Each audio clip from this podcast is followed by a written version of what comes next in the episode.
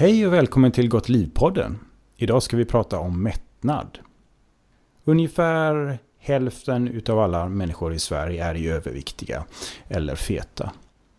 Och eh, vi tänkte prata lite om huruvida det finns en koppling mellan eh, övervikt och fetma och mättnad. Det går ju en myt bland annat att kött är det som ger mest mättnad. Och ehm, det är ju så här med mättnad att vi, vi hinner inte känna av mättnadssignalen riktigt. Ja, men jag frågar dig Gunnar, hur är det egentligen med mättnad och vad har det för koppling till övervikt?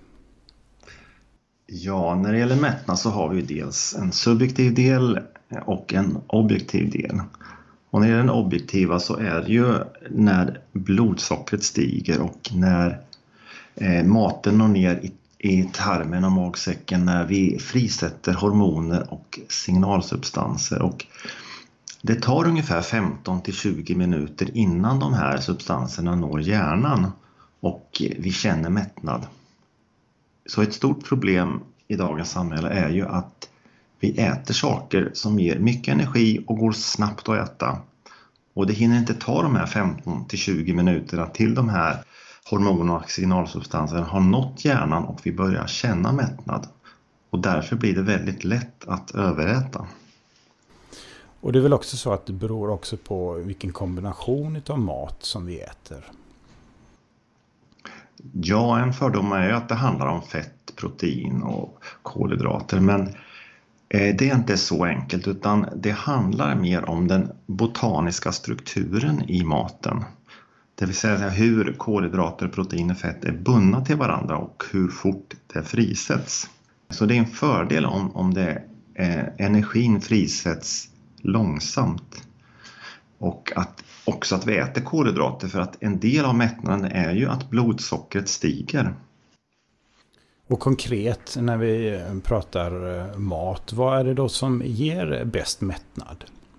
Ja, det kanske också förvånar många att, att det är ju eh, grönsaker och frukt och bär som ger bra mättnad och i en del studier man har gjort så är det ju faktiskt potatis som ligger i topp när det gäller mättnad och då pratar jag då också att man har per energienhet. Man brukar mäta mättnad per typ 100 kilokalorier då som man äter av olika livsmedel. Och då är det potatis som ligger i topp där. Det här är ju väldigt intressant. Framförallt i dietdiskussionen, eller hur?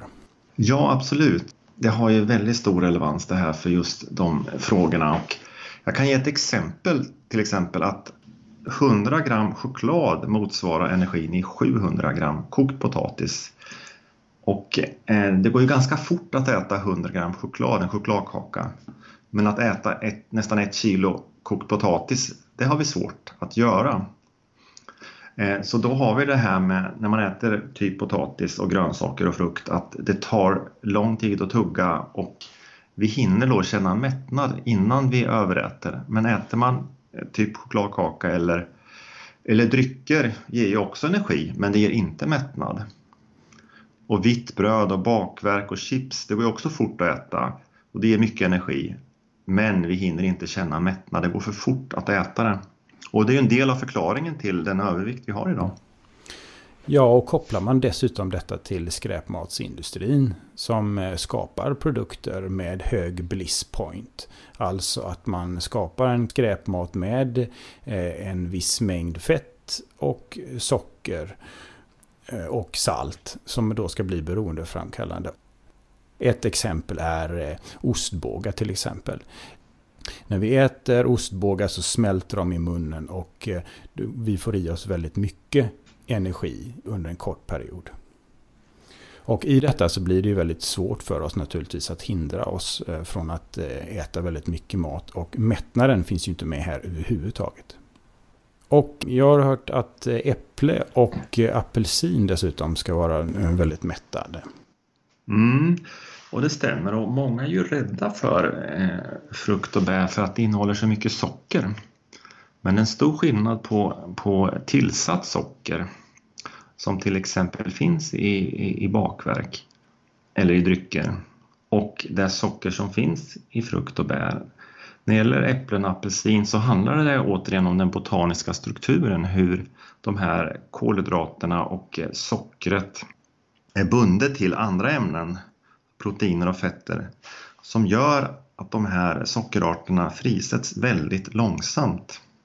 Och något annat som är positivt med äpplen och apelsiner är ju att eh, det finns mycket vatten i dem och det finns mycket fiber.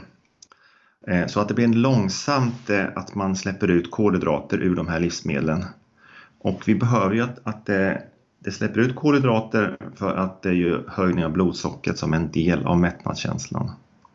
Och att det gör långsamt det gör ju då att de här hormonerna och signalsubstanserna hinner nå hjärnan då innan vi äter för mycket. Eh, vad är då eh, eh, ditt takeaway message tycker du Gunnar? Ja, det är väl att vi ska glömma det här med protein, fett och kolhydrater utan tänka mer på den här botaniska strukturen. Att vi vill ha då hela livsmedel som tar ganska lång tid att tugga, som innehåller kolhydrater och det får gärna innehålla sockerarter också. Och det är alltså hur de eh, ämnena är bundna till varandra som gör att de frisätts långsamt. Och att det innehåller mycket fiber och vatten gör ju att det inte är så energitätt. Vi ska alltså tänka på att äta saker som man kan tugga länge på och är inte så energitäta. Jag åt idag till exempel en eh, proteinkaka. Jag desperat gick in på en hälsokostaffär även om jag har väldigt eh, svårt för att gå in och handla där för de har ju mycket vilseledande produkter. Men jag, hade, jag var hungrig och eh, jag hade bråttom. Så jag köpte en proteinkaka. Och det var ju då som det är i de här proteinkakorna. Det är nästan bara protein och socker. Den gav nästan ingen mättnadskänsla överhuvudtaget. Mm. Så återigen, när det gäller det åt då, så det innehåller alltså för lite vatten och fiber och de här eh, botaniska strukturerna som gör att, att det frisätts långsamt. Eh, så att du hade nog blivit mer mätt om du hade ätit ett äpple eller flera äpplen till och med. Du kanske kunde ha ätit uppåt ett, ett kilo äpplen. För att det innehåller ju väldigt mycket vatten och fiber äpplen. Så att man kan eh, lura sig på att det kanske låter som en hälsoprodukt då, men, men det bästa är ju de här hela produkterna helt enkelt. Precis, och det var det jag sa till han som äger hälsokostaffären att eh, nu går jag hem här och äter eh, en banan förutom den här proteinkakan som för övrigt eh, var närmast oätlig. Men vi tackar för idag och vi återkommer med Gott Liv-podden.